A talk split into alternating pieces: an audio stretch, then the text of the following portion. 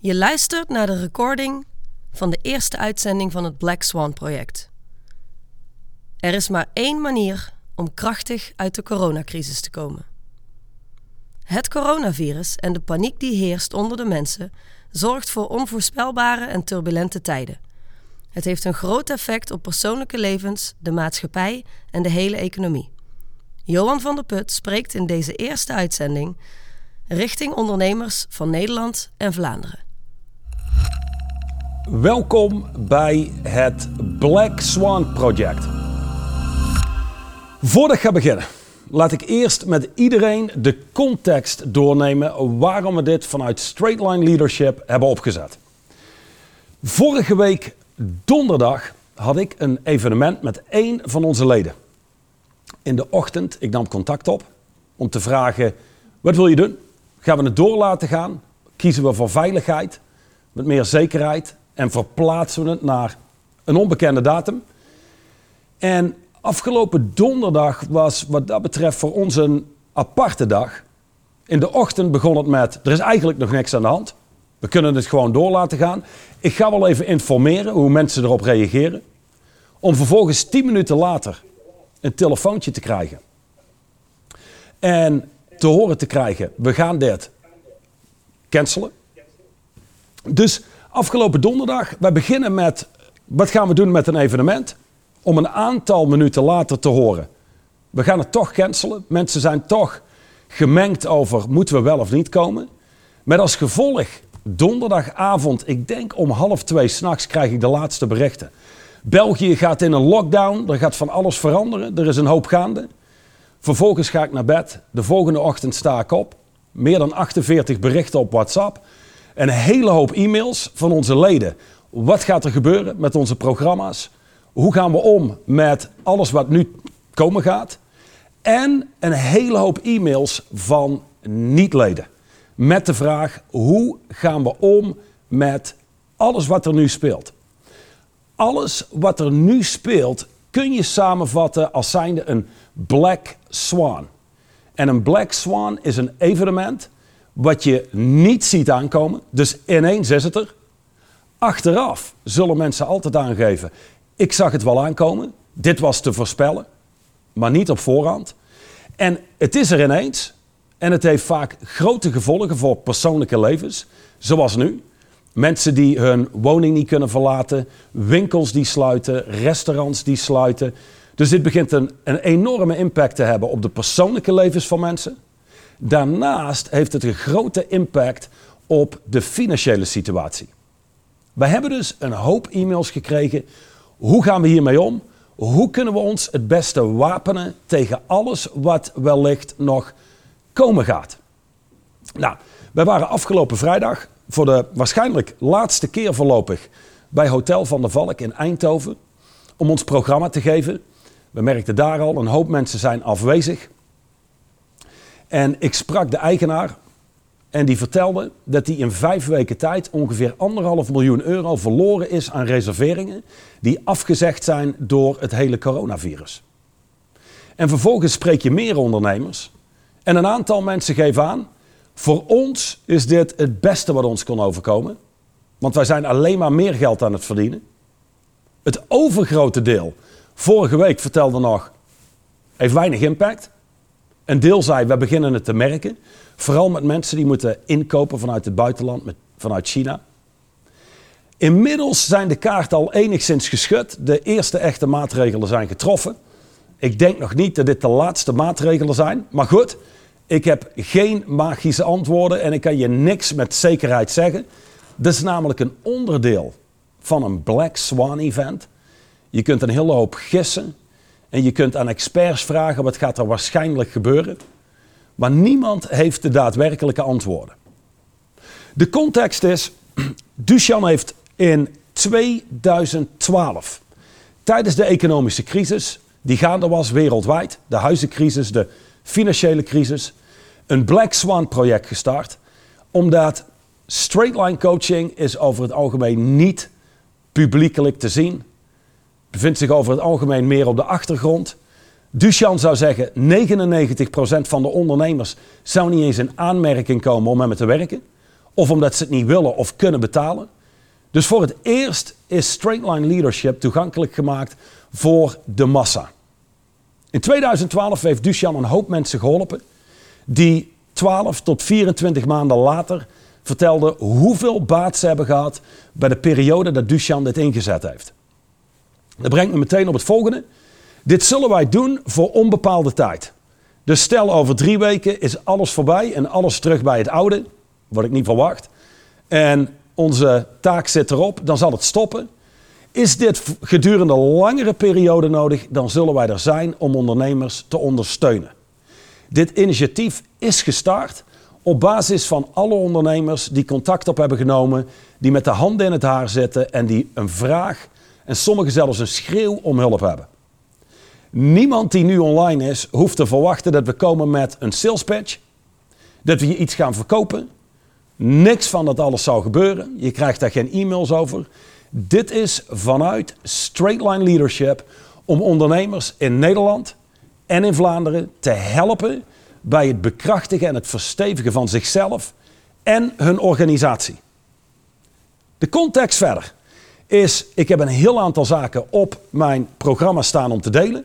Er is absoluut kans tot vragen. Er zijn twee mogelijkheden. Je kunt gebruik maken van de chat hier op GoToWebinar. De chat, ik geloof dat je ook kunt kiezen uit questions en allemaal dat soort zaken, maar gebruik specifiek de chat. Verder, ik heb een speciale Black Swan telefoon gekregen, dus mocht je vragen hebben kun je ze altijd via WhatsApp stellen. Er is een speciaal nummer gestart. En ik verneem net dat er een aantal geluiden binnenkomen dat het beeld slecht is. En dat is oké. Dat is geen probleem. Het gaat om de inhoud. Oké, dan. De context is de komende periode. Ik heb geen idee voor hoe lang. Dat kan zijn deze week, dat kan zijn de komende 90 dagen. Afhankelijk van hoe de ontwikkelingen zijn omtrent het hele coronavirus. We doen dit volledig kosteloos. Je krijgt geen sales pitches, er wordt je niks verkocht. Dit is gebaseerd om ondernemers in Nederland en Vlaanderen te helpen. Zo zie ik om me heen, omdat ik spreek met veel ondernemers, een hele hoop initiatieven die mensen nemen om compleet belangeloos anderen te helpen. Hotel van de Valk heeft al aangegeven aan de GGD, mocht het nodig zijn, we zijn bereid om onze kamers ter beschikking te stellen voor jullie om mensen te behandelen. Er zijn allerlei initiatieven die om ons heen gestart worden. Dus dat is een goed iets. In deze tijden zullen we elkaar moeten helpen. Dat brengt me op het eerst volgende. Ik heb een aantal mensen gesproken en die gaan ervan uit dat de overheid gaat helpen. We staan er slecht voor. We kunnen dit een maand trekken, maar de overheid gaat ons helpen. Dus wij komen er wel. En mijn antwoord daarop is: ik heb geen idee. Ik kan niks anders zeggen als ik hoop dat de overheid dat doet voor deze mensen en niemand heeft garanties. De hele context, de hele bedoeling van onze seminars, van deze online uitzendingen, is het volgende. Ik weet, je kunt andere mensen nooit bekrachtigen. In andere woorden, you can't empower people. Hetgene wat we wel kunnen doen, is mensen de mogelijkheid geven om zichzelf te bekrachtigen. Dat is het enige waar deze seminars over gaan. Jullie de tools en mogelijkheden geven om jezelf te wapenen tegen alles wat er gaat ontstaan in de komende periode. In deze tijd is het zekerheid wat afgestraft wordt. Als je om je heen kijkt, zie je een hele hoop mensen die in paniek aan het raken zijn, omdat een hoop zekerheid wegvalt. Jij als ondernemer zult in deze tijden afgestraft worden als je op zoek gaat naar zekerheid. Wat beloond wordt, is helderheid. Kunnen anticiperen en vooruit kunnen kijken. En daar adequaat op kunnen antwoorden. Dat brengt me direct op het volgende. Er zijn drie manieren van denken. En allereerst, als je nu gaat kijken, ik kreeg een video doorgestuurd van een van onze leden over hoe het eraan toe ging bij de Aldi in Gent. Geen idee of het de Aldi in Gent was, want ik heb de video inmiddels al vaker gekregen met verschillende locaties. Maar de video was de opening om, ik geloof, 8 uur s ochtends of 9 uur s ochtends van de supermarkt. De deuren gaan open en het leek wel alsof eten en drinken gratis was, want mensen stormden naar binnen. Stapten over winkelwagens heen om te zorgen dat ze als eerste waarschijnlijk het wc-papier te pakken hadden. Alles wat ze nodig hebben om te overleven. Dus dit zijn mensen, je zou kunnen zeggen, die denken negatief. En zoals iedereen hier online weet, negatief denken helpt je niet verder. En als je hier negatief denkt, dit is het einde van de wereld, we gaan het niet redden. Het enige wat ik kan doen is zorgen dat ik de komende tijd overleef. En ik moet als eerste bij de supermarkt zijn en ik moet zorgen dat ik alle toiletpapier wat er is in handen krijg.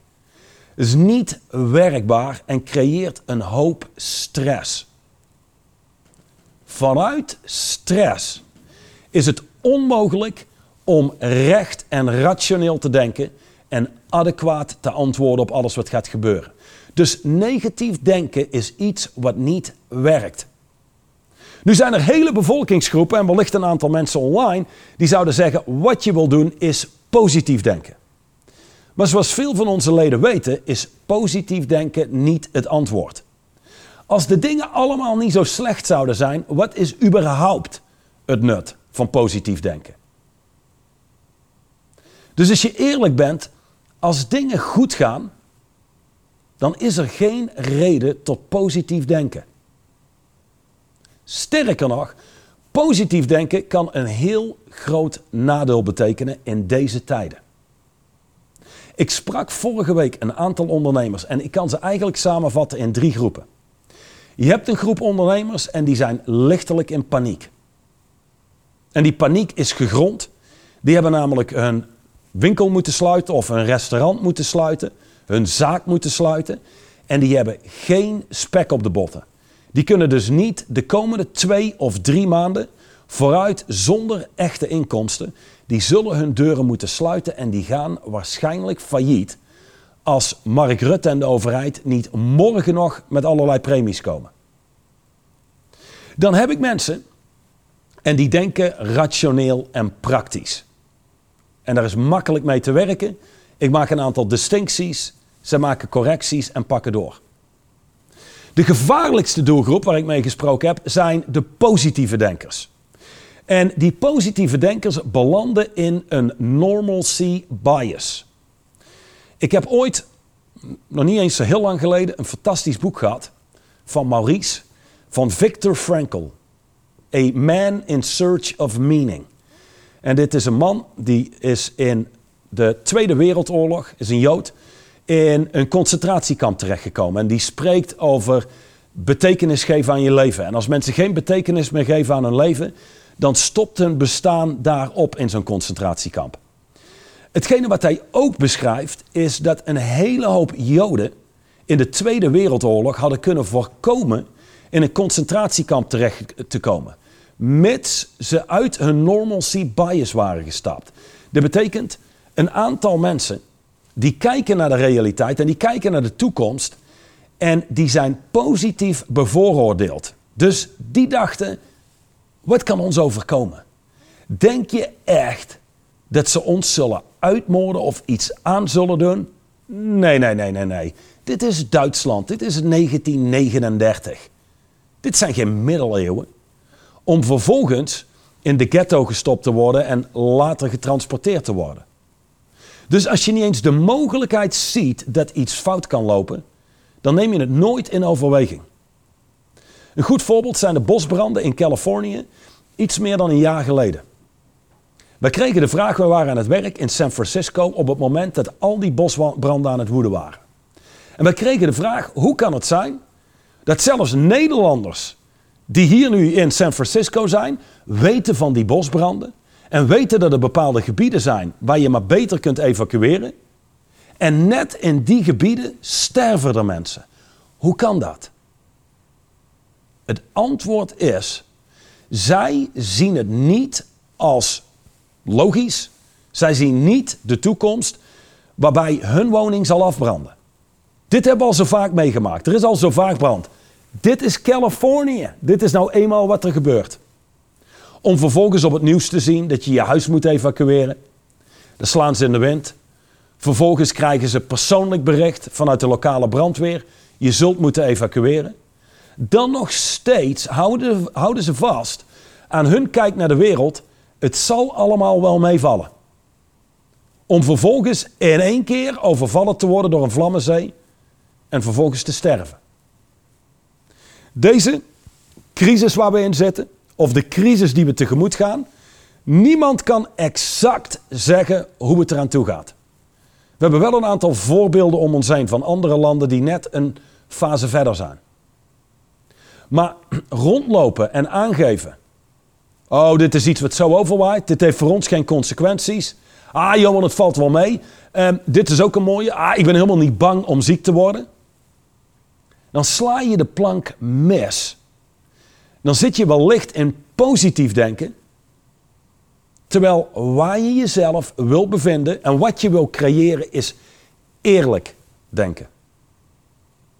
Zo heb ik vorige week nog ondernemers gesproken die zeiden: Nou, wat in Italië gebeurt, gaat hier nooit gebeuren. Um, dit is Nederland. Ik, ik denk niet dat ze restaurants, winkels en dat soort zaken zullen sluiten hier. Dus dat wat daar plaatsvindt, gaat hier waarschijnlijk niet plaatsvinden. Het antwoord is: je kunt maar beter eerlijk kijken en eerlijk nadenken, zodat je daadwerkelijk ziet waar bevinden we ons en dat je jezelf kunt gaan voorbereiden en kunt anticiperen op alles wat mogelijk gaat gebeuren. Dan, je wilt dingen in perspectief plaatsen. Dus er zijn een hoop bedrijven die hebben een hele hoop last van alles wat er nu gaande is. Nogmaals, ik heb ook een aantal mensen gesproken en die geven aan, onze omzet is verdubbeld. Ik heb zelfs cliënten gehad die zeiden onze omzet is verviervoudigd. Maar dan moet je eerder denken aan mensen die uh, dealen en uh, handelen in toiletpapier, hygiëneproducten, de food-industrie. Dan moet je denken aan apotheken, groothandel, groothandels in farmaceutische artikelen. De meeste bedrijven worden wel geraakt. En dit zijn bedrijven, en er zijn een aantal zaken, je wilt het in perspectief plaatsen. Dus allereerst, dit komt, ik moet uh, credits geven aan de oma van Carmen, een van onze coaches. Die kreeg alles mee en die zien dat mensen in paniek raken om, om ons heen. En zij zegt, als mensen geboren zouden zijn in 1900 en ze zouden 40 jaar oud zijn, dan zouden ze al twee wereldoorlogen meegemaakt hebben. Dan hebben ze bombardementen meegemaakt. Ze hebben voedselschaarste meegemaakt. Ze hebben werkeloosheid meegemaakt. En dat twee keer in 40 jaar tijd. En sommige mensen die ik spreek, die hebben nog nooit iets meegemaakt. Dit is het eerste wat ze treft. En in tijden als deze kun je maar beter komen vanuit een krachtige positie in andere woorden, je kunt als mens maar beter komen vanuit een krachtige inner stance. Anders wordt het moeilijk om de boel bij elkaar te houden en niet uit elkaar te vallen. Dus ik ga een aantal zaken doornemen. Een aantal zaken doornemen die je helpen om effectief te zijn in turbulente tijden. En dit zijn turbulente tijden. Ik ga een aantal zaken doornemen om stress te verminderen. Dan sprak ik een aantal mensen die zeiden: Ja, nou, ik moet zeggen, ik ervaar weinig stress. Dat is mooi. Maar je hebt ook een omgeving. Je hebt medewerkers. Dus alles wat je kunt doen om bij hen stress te verlichten, zou ik doen. Vanuit een rationele, gefocuste mind kun je vele malen meer productief zijn dan vanuit stress en chaos. En tot slot, we helpen je om een aantal zaken effectief te kunnen implementeren. Zo zijn er een hele hoop initiatieven die gestart worden op dit moment. Fantastische website met allerlei tips en adviezen die goed werken, waar je als ondernemer een hoop baat bij kunt hebben. Maar als je in deze tijden gestrest rondloopt, chaotisch rondloopt, zul je onmogelijk in staat zijn om het toe te passen en in gang te laten treden. En dan nog één keer om zaken in perspectief te plaatsen. Een tijd geleden vroegen wij om feedback in een van onze programma's. En daar stond een vraag tussen: waar kun je niet echt iets mee? En iemand had de volgende uitspraak opgeschreven. Ik kan me herinneren dat ik in een gesprek was tijdens een van onze programma's. En dat ik een opmerking maakte. Je bent geen ondernemer als je niet minimaal 250.000 euro cash aan de kant hebt staan, wat je gewoon kunt gebruiken, wat je kunt investeren, wat je achter de hand hebt. Nu, context is bepalend. Als ik kijk naar de mensen die wij hebben in onze programma's, dat zijn over het algemeen wat grotere bedrijven. Stel, je hebt wat kleinere bedrijven, dan zou 250.000 euro nu in deze tijd goed van pas komen. Stel je hebt ZZP'ers, dat is meer dan voldoende om het komende half jaar wellicht uit te zingen. Maar stel, en hier online zitten microbedrijven, kleine bedrijven, grote bedrijven. Dus je zult voor jezelf bepaalde zaken in context moeten plaatsen. Maar de bottom line was in deze discussie, kwam iemand vanuit, luister, als ik gewoon genoeg heb om voor mijn gezin te zorgen en twee keer per jaar op vakantie te kunnen en een leuke woning te kunnen blijven wonen, dan heb ik meer dan genoeg, Johan. Ik ben niet hebberig. En kijk hoe dat uitpakt op dit moment. Ik ben niet hebberig. Ik zou zeggen, ben gefocust. Ben een ondernemer. Bloed, de bloed binnen een organisatie is nog steeds geld. Geld is het bloed binnen iedere organisatie. De mensen binnen die organisatie zijn het kloppend hart wat dat bloed laat rondstromen.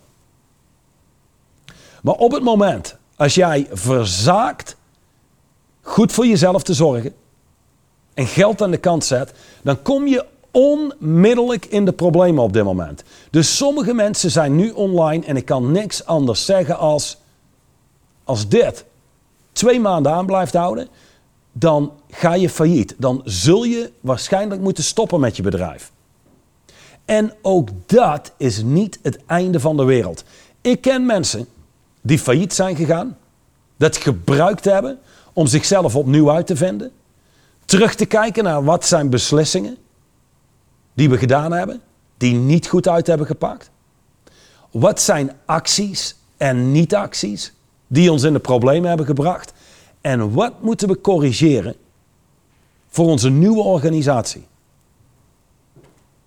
Dus sommige mensen hier online kunnen zich maar beter gaan wapenen tegen het feit dat ze hun deuren zullen moeten sluiten. En eerlijkheid valt te bekennen dat een deel dit zelf heeft gecreëerd door of terughoudend te zijn in de afgelopen periode, door klein te denken, zoals als ik genoeg heb voor mezelf, dan is het al lang goed. Ik kan zeggen, daar heb je nu, jijzelf en je medewerkers, een hoop problemen van als dit nog langer aantrekt. Dus dat zijn zaken om rekening mee te houden. Daarnaast, ik heb een aantal grote organisaties die ik gesproken heb in de afgelopen week, weekend. En ook zij geven aan. Wij hebben ontzettend veel geïnvesteerd aan het begin van dit jaar. Dit heeft zulke grote consequenties. Als dit langer dan vijf maanden gaat duren, dan redden wij het niet. Dit zijn over het algemeen wel mensen die hun hoofd koel houden, gefocust zijn en beheerst zijn. En, en dit is wel een belangrijke, dit zijn mensen die hebben een bepaalde power. Die komen vanuit een krachtige inner stance. Die nodig is geweest om überhaupt een organisatie als dit te kunnen bouwen. En dit is een gesprek wat ik voor een deel zal nareproduceren voor een aantal van jullie online. Zijn antwoord was: Wij kunnen dit nog vier tot vijf maanden trekken. We hebben een loonkost van meer dan 10 miljoen euro in de maand. Wij zijn op dit moment alles voor aan het financieren voor onze klanten. En een heel deel van onze klanten komen hun producten niet afnemen. Dus als dit zo langer doorgaat, hebben we een probleem. Als dit vier maanden duurt, dan kunnen we het trekken. Vijf maanden wordt lastig. Zes maanden is het klaar. Maar ik kan je één ding zeggen, Johan. Linksom of rechtsom, ik red mezelf. Als jij jezelf hebt gecreëerd als iemand die creëert, die erop uitgaat, die productief is, die waardevol is, dan kun je het uiteindelijk in iedere economie redden. Dus ook al zou het in een uiterlijk geval zijn dat je je deuren moet sluiten, weet er zijn een hele hoop mensen die je voorgegaan zijn en die groter en krachtiger terug zijn gekomen. En dit is een verschil tussen geld en rijkdom. Ik ken mensen die hebben geld. Zo sprak ik Dushan, de schrijver van het boek Straight Line Leadership. Die had gesproken met een van zijn nieuwe cliënten en die raakte in paniek door alles wat er gebeurde.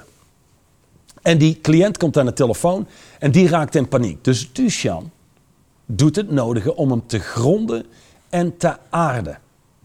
Dus hij zegt: Mag ik vragen? Hoeveel is jouw woning waard? En hij zegt: Well, like four, four and a half, half million dollars. Vier, vier en een half miljoen dollar.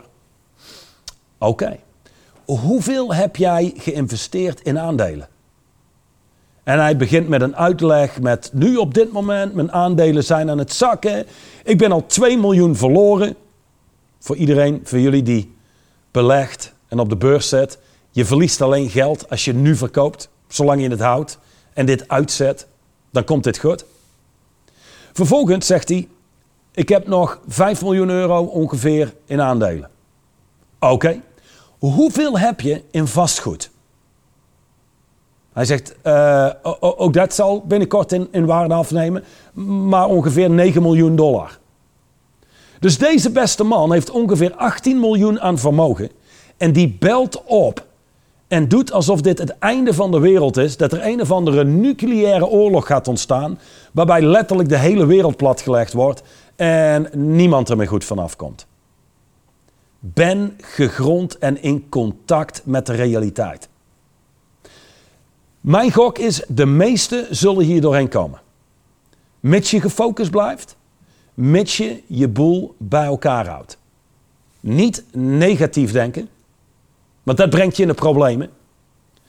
Positief denken kan je in de problemen brengen door niet tijdig te anticiperen op dingen die je ziet aankomen. Het is eerlijk denken. En als toevoeging daarop, als je kijkt naar die man die Duchan opbelt, een aantal van jullie zouden zeggen: Ik zou willen ruilen en ik zou willen dat ik hem was. Maar je kunt geld hebben en een zwakke inner stance. En dan raak je nog steeds in paniek op dit moment. Je kunt op dit moment weinig vermogen hebben, heel krap komen te zetten, heel gefocust moeten zijn om überhaupt hier zonder kleerscheuren vanaf te komen. Maar verder kalm blijven, gefocust rationeel blijven beslissen.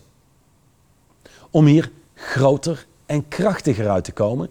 En je zou kunnen zeggen, dat heeft niks te maken met het hebben van geld.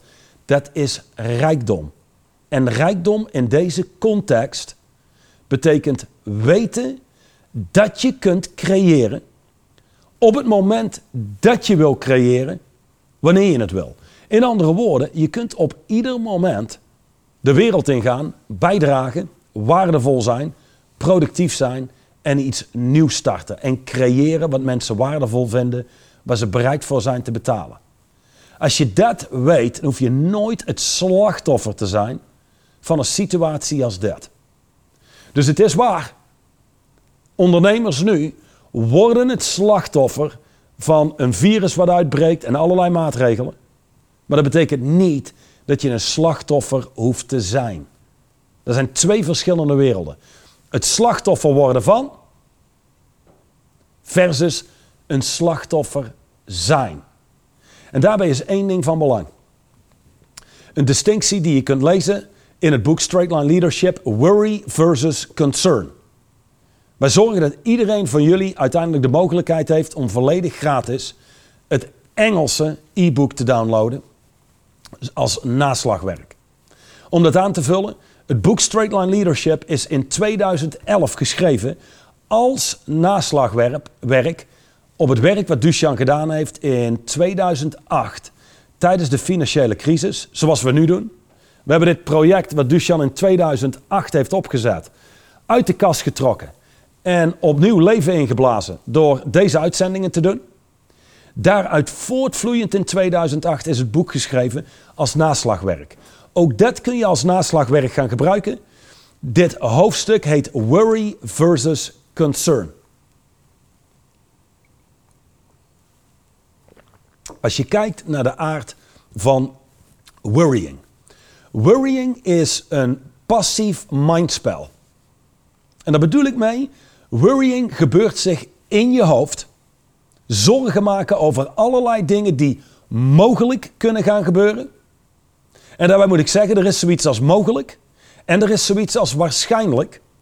En als je nu een ondernemer hebt die zegt: luister, ik heb de oplossing voor deze hele crisis. Ik weet hoe wij hier doorheen gaan komen. Ik ga een kraslot kopen en ik win voldoende geld om hier doorheen te komen.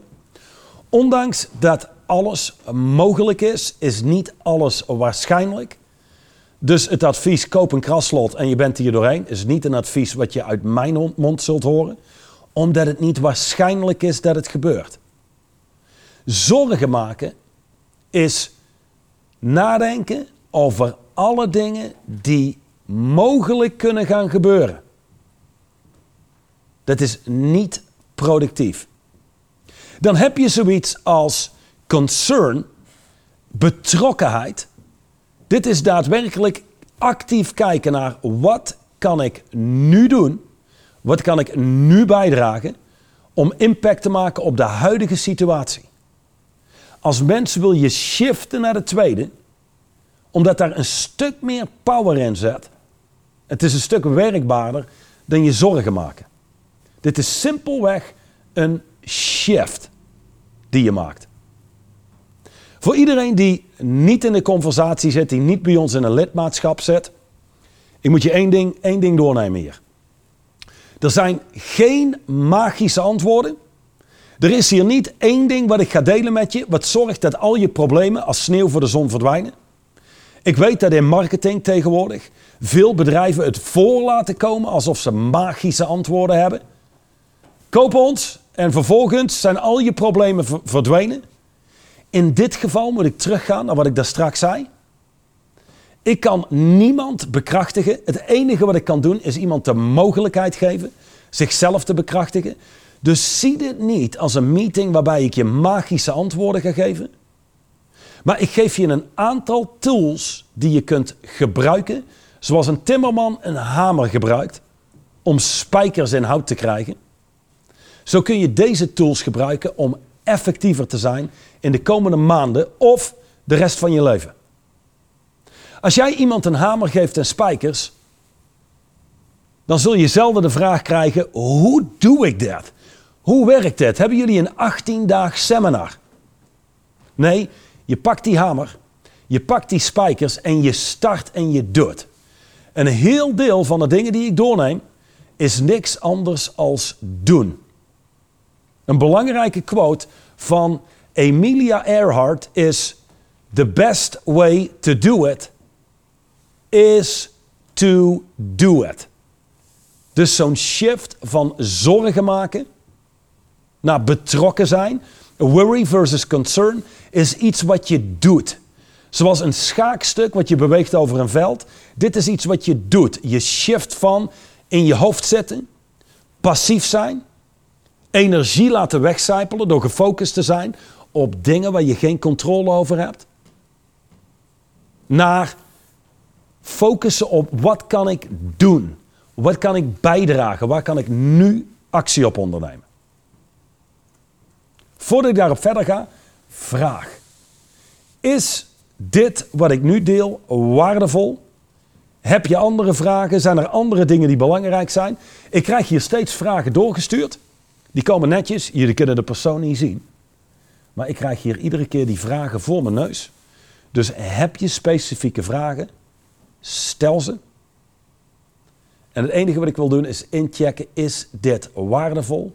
Zijn er dingen waar je meer van wil? Laat het ons weten in de chat. Dan terug naar worry versus concern. De mensen die nu in paniek thuis zitten en overkomen alsof er nu een nucleaire oorlog gaande is waarbij iedereen ter wereld gaat sterven bevinden zich bij worry. Worry kost energie en nogmaals, het is passief. De enige manier om nu impact te maken op je huidige situatie. En het is belangrijk dat je dit helder hebt voor jezelf. Is door middel van actie. Iemand die zich bevindt bij worry is niet in actie. Die loopt druk rond te rennen. Je kunt het idee hebben dat ze productief zijn. Ze kunnen je het idee geven dat ze bezig zijn met dingen die ertoe doen. Maar zorgen maken is een passief proces wat energie kost. Je gebruikt een deel van je denkvermogen en het grootste deel schakel je uit. Whole brain thinking, oftewel je hele hersenmassa gebruiken in een productieve vorm, doe je door het land van zorgen maken te veranderen in iets wat actief is. Betrokken zijn en kijken naar dat wat je nu kunt doen. Een simpel voorbeeld. Twee en een half of drie jaar geleden kreeg ik mijn zus aan de lijn en het bleek dat ze kanker had. Nu, velen van jullie zullen hiermee te maken hebben gehad en je zou kunnen zeggen, dit is een soort persoonlijk Black Swan event. Zij belt op, zij heeft kanker. En het is logisch dat iedereen in haar omgeving reageerde vanuit zorgen maken. Oh my god, en, en nu? En iedereen raakte licht in paniek. En ik denk dat ik een van de weinigen was die op dat moment gefocust was op: oké, allereerst, dit is klote nieuws. Dit geldt hetzelfde voor wat er nu gaande is. Niemand vraagt je om dit leuk te vinden. Je kunt een hoop weerstand hebben bij alles wat op dit moment speelt.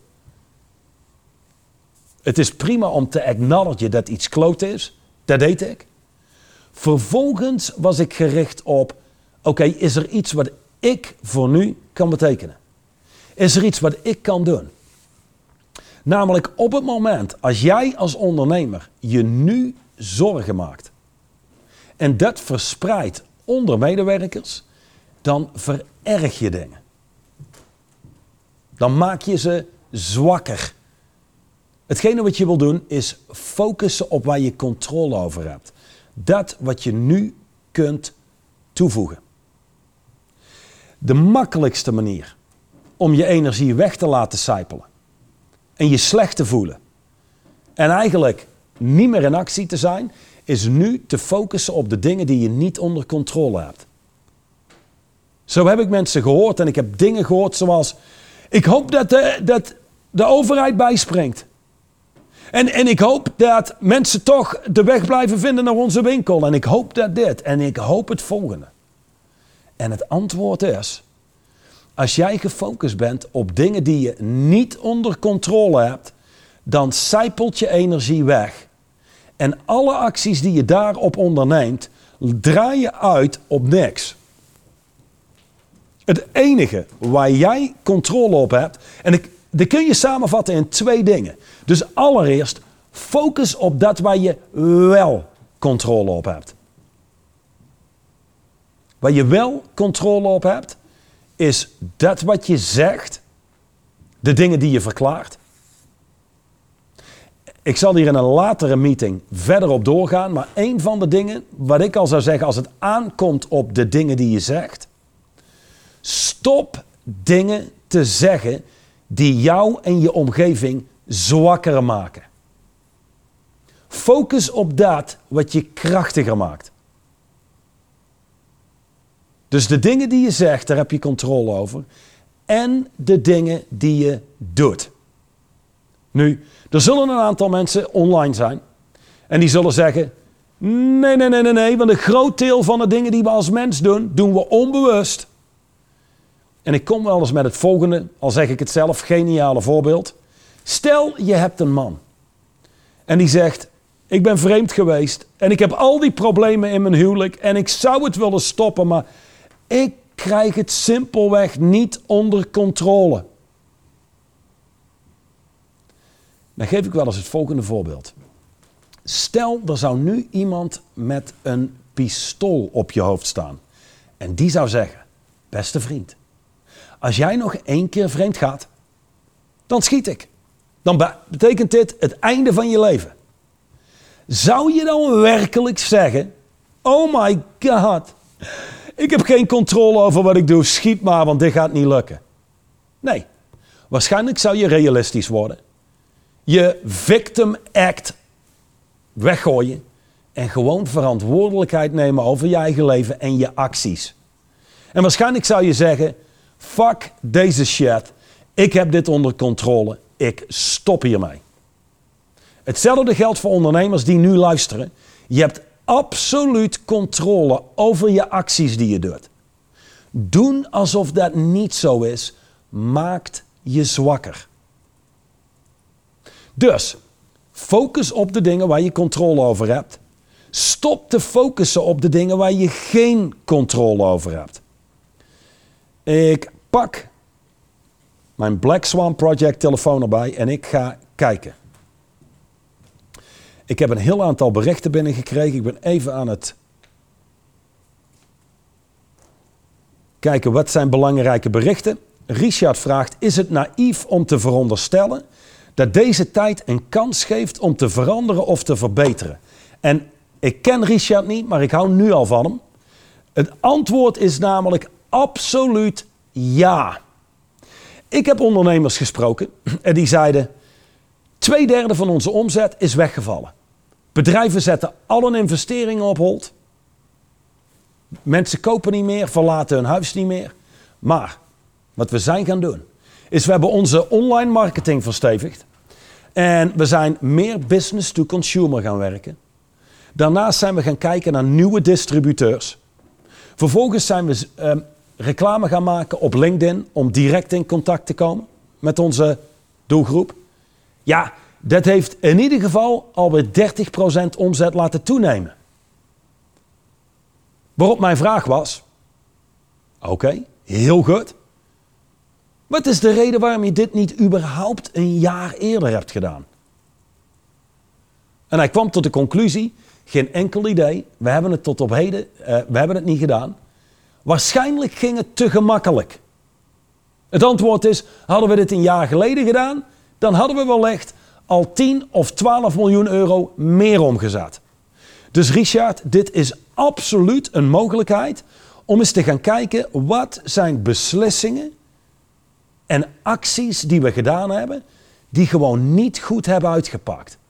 En wat kunnen we nu doen om onszelf te verstevigen? Om onszelf als bedrijf en als mens te bekrachtigen. Een van die dingen is dit, wat je nu al aan het doen bent. Dat is een goed iets. Maar vervolgens, als dit seminar klaar is, dan hang je op en dan wil je gaan kijken naar wat kan ik nu doen binnen onze organisatie om onszelf krachtiger te maken. Sommige bedrijven hebben in één keer tijd. Dus die kunnen hun sales team gaan trainen. Sommige bedrijven die kunnen andere processen dieper uitwerken en correcties maken. Dus Richard, het antwoord is absoluut ja. Kijk naar wat je nu kunt doen. Er bestaat een quote van de Rothschild, van Baron Rothschild. Um, die familie snapt hoe het werkt om geld te verdienen. Die quote gaat als volgt: Buy when there is blood in the streets, even when it's your own. Nu, dit gaat enerzijds zijn op. Nu op dit moment zijn een hoop mensen in paniek. Maar kan je één ding zeggen: paniek houden mensen nooit lang vol medewerkers niet, mensen in Nederland en België niet. Dus paniek leidt tot vermoeidheid. Die vermoeidheid zorgt dat mensen niet meer gefocust zijn, verslappen. Dat leidt altijd tot koopjes. Denk aan aandelen, denk aan vastgoed, denk aan bedrijfsovernames. Ik ken een aantal ondernemers die zijn bezig en gefocust op bedrijfsovernames. En die zullen nu denken: hey, dit is een uitzonderlijke mogelijkheid om nog een aantal maanden te wachten. Waarschijnlijk is dit voorbij. Wij gokken op mei, uiterlijk juni, en dan gaan we kopen. Want dan zijn zaken goedkoper. Dus dat is de ene kant van de quote. Aan de andere kant, what can you buy into what makes you stronger? Dus sommige mensen zullen hun online marketing verstevigen. Sommige mensen zullen communicatievaardigheden verbeteren van hun medewerkers, hun servicemedewerkers. Sommige mensen zullen de effectiviteit trainen van hun salesmedewerkers. Maar nu, Richard, is een perfect moment om dat te doen. Paul geeft, geeft aan, Johan, hoe haal je mensen uit deze passieve houding door het uit te leggen of juist een flinke schop onder de kont te geven? Sommigen van jullie kennen me en die weten dat ik nooit terugdeins van iemand een fantastische schop onder zijn reet te geven. Alleen in dit geval, ik zou zeggen, de nummer één, het nummer één ding wat je nu kunt doen, is zelf het perfecte voorbeeld zijn van kracht, vertrouwen en beheers zijn ten opzichte van je medewerkers. Dat is de krachtigste demonstratie die je kunt geven. Anderzijds, afhankelijk, ik heb geen idee hoeveel medewerkers Paul heeft. Als hij er duizend heeft, wordt het moeilijk. Heeft hij er drie, dan zou je ze daadwerkelijk kunnen coachen op hoe ze verschijnen. Fred, luister. Ik snap dat dit moeilijke tijden zijn. En ik snap dat je het er zwaar mee hebt. En hetgene wat ik nodig heb, is iemand die gefocust is. Iemand die nu bijdraagt, want onze klanten en ons bedrijf heeft dat dringend nodig. Dus dat zou een simpele manier zijn om iemand te coachen. Anderzijds zal het afhangen van de nieuwe afspraken die je maakt met mensen en jij die vervolgens die afspraken managt. En bij het managen van die afspraken zul je mensen moeten assisteren in het dealen met passieve gevoelens. In het dealen met ongewenste gedachten en emoties. En ik kan je zeggen, uh, wij waren totaal niet van plan om dit hele project uit de kast te trekken, op te zetten en uit te rollen.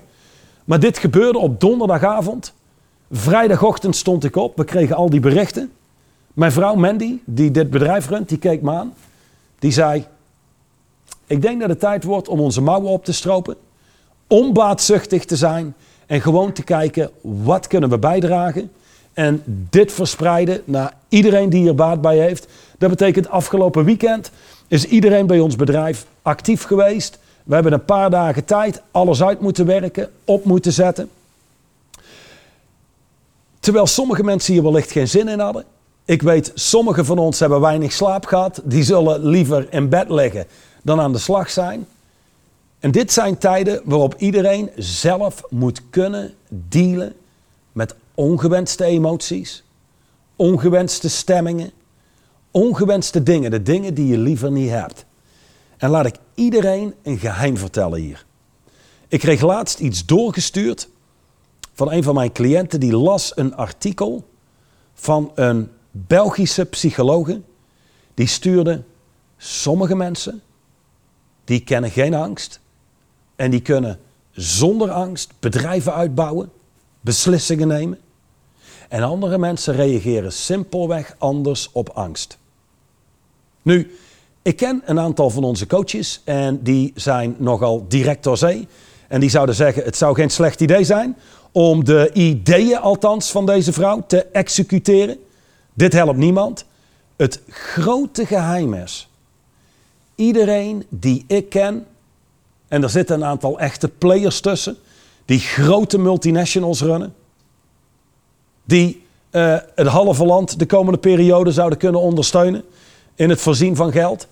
Ook zij kennen angst. Er is geen één mens, ondernemer, die ik gesproken heb, die geen last heeft van angst. Die geen last heeft van ongewenste passieve gevoelens. Op de bank willen leggen, dat soort zaken. Ongewenste gedachten. Iedereen die ik ken, heeft dat. Dat is een onderdeel van mens zijn. En ieder mens loopt daar tegenaan. Sommige mensen, die zijn vooral gefocust op die gedachten. In de zin van hopen dat ze weggaan. En het goede gevoel terugkomt. En dit zijn mensen die over het algemeen levenslang in hun hoofd leven en bijna nooit iets gedaan krijgen. En dan heb je andere mensen. Die verplaatsen al die ongewenste gedachten, stemmingen zoals angst en allerlei ongewenste emoties, een soort van naar de achterkant van hun hoofd. Komen uit hun hoofd en besluiten met angst, met ongewenste gedachten en emoties, toch actie te ondernemen.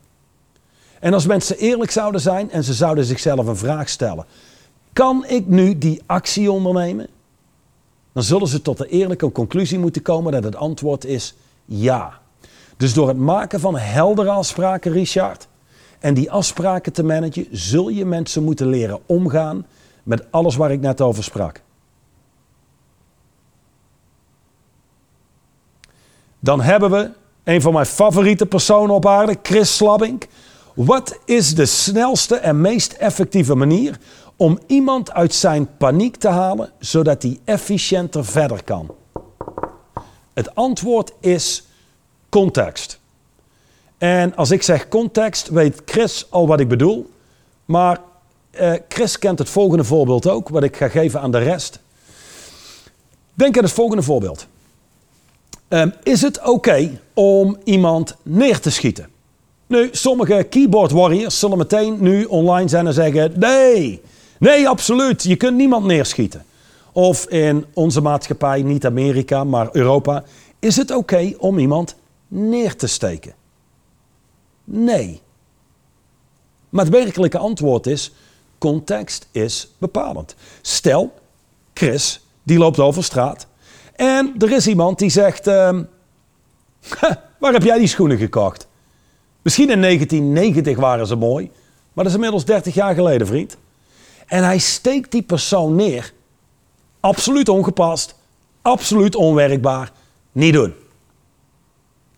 Maar in de context waarin Chris thuis aangereden komt en hij ziet dat zijn voordeur geforceerd is en er is een inbreker die rondjes rent rond de keukentafel achter zijn gezin aan met een mes in zijn handen en hij heeft de mogelijkheid om die inbreker eerder neer te steken dan die inbreker zijn familie neersteekt, dan is het antwoord andere context. Prima.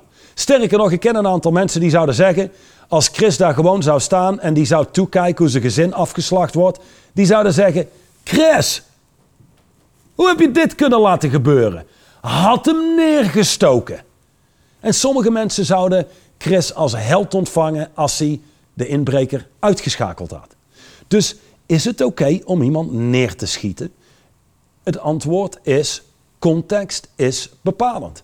Is het oké om iemand in zijn gezicht te slaan? Context is bepalend. Doe je mee aan een schaakcompetitie en je verliest en je springt over die tafel heen en vervolgens sla je je tegenstander in zijn gezicht? Is het antwoord absoluut nee. Sta je in een boksring en je hebt een tegenstander die probeert je hoofd van je romp af te slaan, zou ik zeggen, helemaal oké om die ander in zijn gezicht te slaan. Dus wat mensen doen als ze in paniek raken, is ze komen vanuit een zwakke context. Er bestaat zoiets als een persoonlijke context, daar ga ik in een latere meeting op door. In de komende periode, zolang als het nodig is, hebben we op maandag, op woensdag en op vrijdagavond van 8 tot 9 deze meetings. En een van die volgende meetings komt persoonlijke context terug. Maar aan de andere kant ga ik nu direct in op context. En in dit geval, Chris, het beste wat je kan doen is voor mensen een context scheppen. Want sommige mensen die spreken alsof er ieder moment een of andere nucleaire oorlog gaat uitbreken en heel de wereld weggevaagd wordt en iedereen sterft. De context is, de meeste mensen die in aanraking komen, die gezond zijn met het coronavirus, merken of niks, of lichte klachten. En een aantal mensen zijn er heel beroerd van. En na een dag of vier, vijf komen ze weer langzaam in het land der levenden en functioneren ze weer. De mensen die sterven zijn of vaak, vaak, niet altijd mensen die of al ziek waren en ernstige klachten hadden. Die krijgen nu het virus en die sterven. En het zijn ouderen. En als je cijfers op gaat zoeken, hoeveel ouderen sterven aan de griep? Nou, dan hebben we qua coronavirus nog niks meegemaakt op dit moment. Dus context doornemen met de mensen, luister. We hebben te maken met een coronavirus. Zoals de Nederlandse president Mark Rutte vandaag om 7 uur het volk aansprak was... Een groot deel van het volk zal dit krijgen. Sommigen gaan het amper merken, sommigen zijn een periode ziek. Voor de meeste mensen heeft dit weinig tot geen consequenties. Het gaat met name, met name om de ouderen. Fred, merk op hoe jij hier in paniek raakt en handelt alsof je het virus hebt, 83 jaar oud bent, zwak bent en ieder moment kunt overlijden.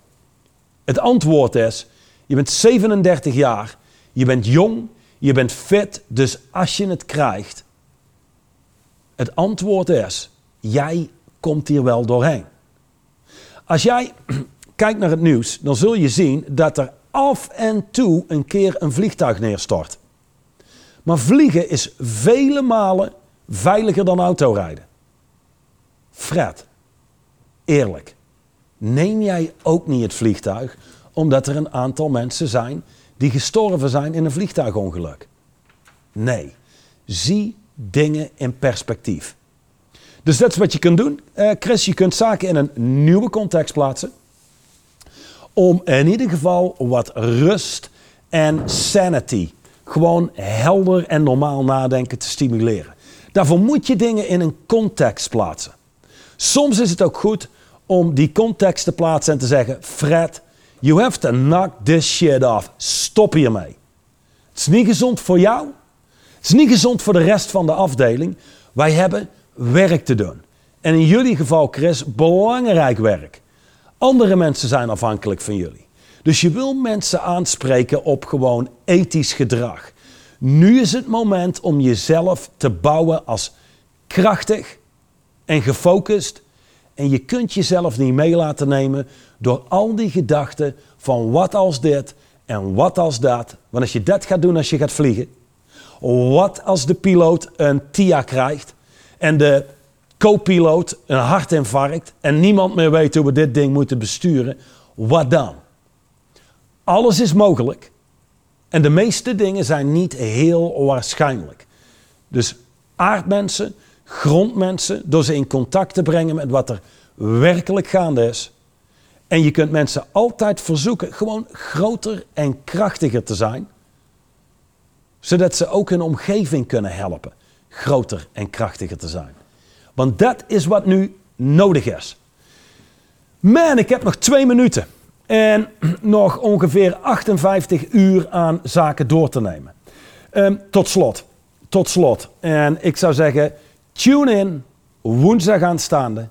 Als dit voor jou geholpen heeft, neem zoveel ondernemers mee die hier baat bij hebben. Nee, er wordt niks verkocht. Er komt geen enkele sales pitch.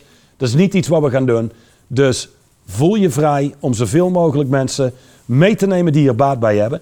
Tot slot, ik krijg nog één, um, één berichtje. Via mail kun je in de komende dagen je vragen sturen. Dan kan ik dat vervolgens gaan verwerken in de komende meetings. Het e-mailadres is blackswanproject@thrive.eu. Heb je geen idee hoe het spelt? Denk goed na of Google.